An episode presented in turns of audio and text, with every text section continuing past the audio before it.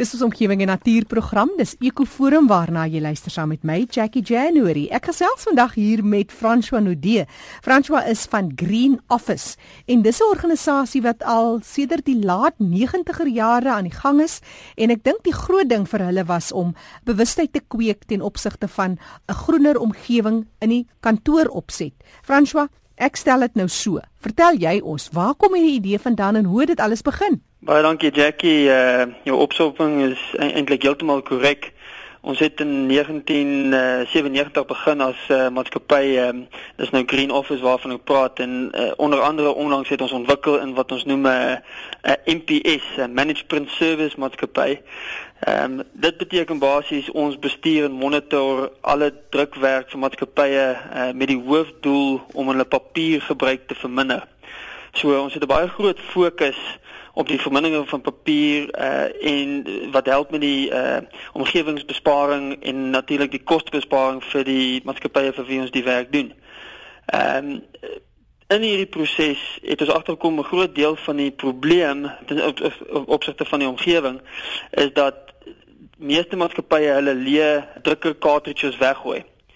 So deel van die Green Office diens is om nou om alle leë uh, drukker cartridges te kollekteer sodat dit nie in stortingsterreine beland nie want dit is natuurlik baie sleg vir omgewing as dit gebeur uh, as gevolg van die plastiek waarvan hierdie houers waar die ink in gestoor word gehou word. Net 'n interessante uh, punt, die SA wetgewing beskou drukker cartridge afval as gevaarlike afval. So met ander woorde om dit weg te gooi is regtig nie 'n goeie idee nie. So die groot probleem is wat gebeur nou met al hierdie leë cartridges wat ons kollekteer? En dit is nou waar uh, ons begin planne beraam met met maatskappye soos Greenable. Nou Greenable is 'n redelike nuwe toevoeging tot die hele konsep. Wat gaan dit nou eintlik daar gebeur? Greenable het ons amptelik bekendgestel in 2010. Nou Greenable is 'n uh, nie winsgewende organisasie. Ehm um, dit bestaan uit 20 werkers eintlik begunstigdes uh van die organisasie en wat belangrik is hierso is die kriteria wat ons besluit het op uh, om 'n begunstigde te wees van Greenable. Nou die kriteria uh, is uh, die belangrikste kriteria is jy moet 'n uh, voorheen benadeelde persoon wees. Jy moet geen matriek hê nie en jy moet gestrem wees. Met ander woorde, ons soek mense wat werklik sukkel om werk te kry as gevolg van die gebrek van opvoeding en hulle gestremdheid. Uh dis basies baie moeilik vir uh swaar gestremde mense om by die werk te kom. Dis sit hulle meeste van die tyd net by die huis en en hoop dat eh uh, regeringstoelae deur die dag sal kry as ek dit so kan stel. Mm. So die doel van Greenable is dus om vaardigheidsontwikkeling en werksopleiding te verskaf sodat ons 'n uh, uh, uh, in indiensneembaarheid kan eh uh, uh, werf vir hierdie mense wat sukkel om die werk te kry. En dis nou waar Greenable en Green Office saamwerk. So al die leë cartridges wat Green Office kollekteer word nou verskaf aan Greenable. Ehm um, 'n gedeelte van daai cartridges kan herbou word, maar die groot meerderheid, uh, plus minus 85% van daai cartridges kan nie herbou word nie, so dit moet herwin word. En dit is waar Greenable in die prentjie kom. So dit is 'n bemagtiging wat gebeur deur middel van hierdie herwinning. Wat doen julle met hierdie afvalmateriaal van die kantore en hoe word dit uiteindelik so gemaak dat julle byvoorbeeld jy weet die fondse kan in om mense te bemagtig? Wel, dit is eintlik baie interessant. Uh, ons het nie besef hoe groot die probleem sou wees aan die begin toe ons hierdie uh, projek aangepak het nie. Ehm um, maar ons het nou 'n unieke oplossing gevind en ons is nogal trots daarop. Basies bestaan hierdie drukker uh, houers, as ons dit so kan stel, uit twee hoofkomponente: plastiek en yster. Nou die yster ehm um, word uh, deur Greenable uitgehaal. So jy jy het nou twee hoopies komponente. Jy het jou ysterkomponente en jy het jou jou plastiekkomponente. Yster word verkoop uh as 'n uh, uh, afvalyster wat natuurlik 'n bietjie geld inbring vir die begunstigdes en die werkers by Greenable. Maar die regtigste uh, interessante ding is wat ons doen met die plastiek.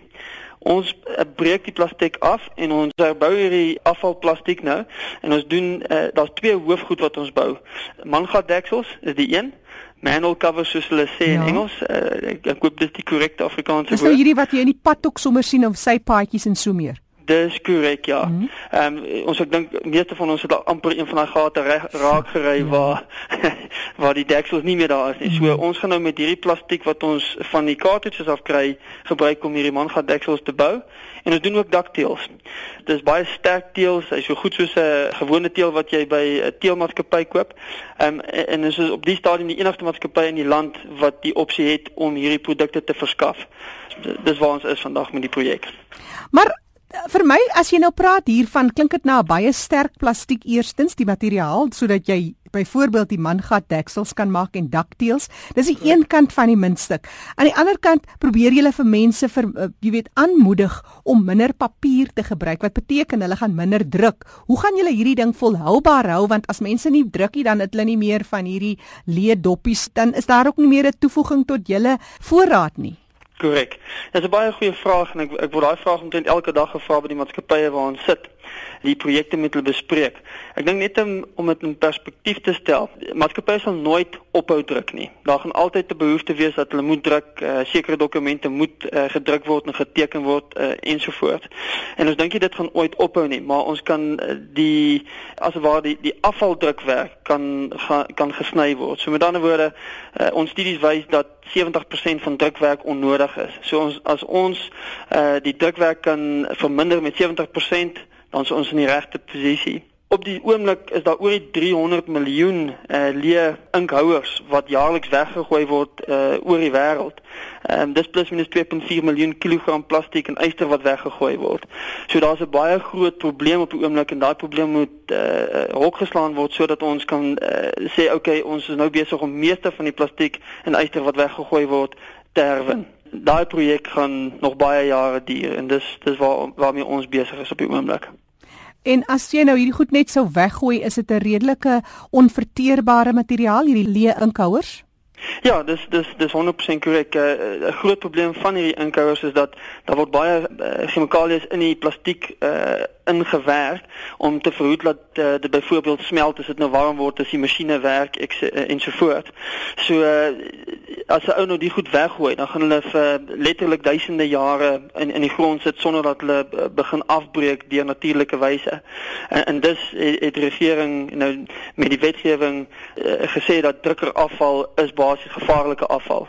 So 'n mens moet eintlik enigiets doen wat 'n ou kan om te verseker dat die uh, inkouers nie in die grond gesit word nie en dat iets anders daarmee gedoen word. En natuurlik kom nou Green Office toe en ons het vir hulle die oplossing. Nou julle is landwyd en daar was ook 'n toekenninge gedoen wat meer spesifiek dan in KwaZulu-Natal aan daai provinsie gegaan het, maar voor ons daarby kom, as jy praat van hierdie leë inkouers, yes. versamelpunte byvoorbeeld, hoekom is plekke wat hierdie goed verkoop nie ook jy's 'n versamelpunt? Ek dink nou aan iemand, jy weet, by jou huis, jy het nou nie elke week 'n leë inkouerie, maar jy wil ook nie net die ding in die vullisdrom insmyt nie? Hmm. Ja, dis weer 'n baie goeie vraag en uh, ek dink die grootste probleem is die logistieke daarvan. Ehm uh, meeste van die maatskappye wat die produkte verkoop, het nie die logistieke om die produkte, die leerprodukte weer terug te kan kry nie. So jy het nou die produk verkoop aan Jan wat uh, by jou winkel ingestap het en hy het nou huis toe gegaan en Jan gaan nie al die pad terug na jou winkel toe om al die cartridge vir jou te gee nie. Ja. Ehm um, en dit is regtig waar Green Office infrastruktuur inkom. Ons is landwyd. Ons kan kollekteer by enige maatskappy in die land. Ons werk met baie eh, logistieke maatskappye wat natuurlik die leeuers vir ons kan eh uh, bring van ver af geleë gebiede. Dit maak baie makliker uh, of basies ons het die die die vermoë om daai leekaartjies terug te kry. Hmm. Nou maar goed, die probleem is wat van mense by die huis?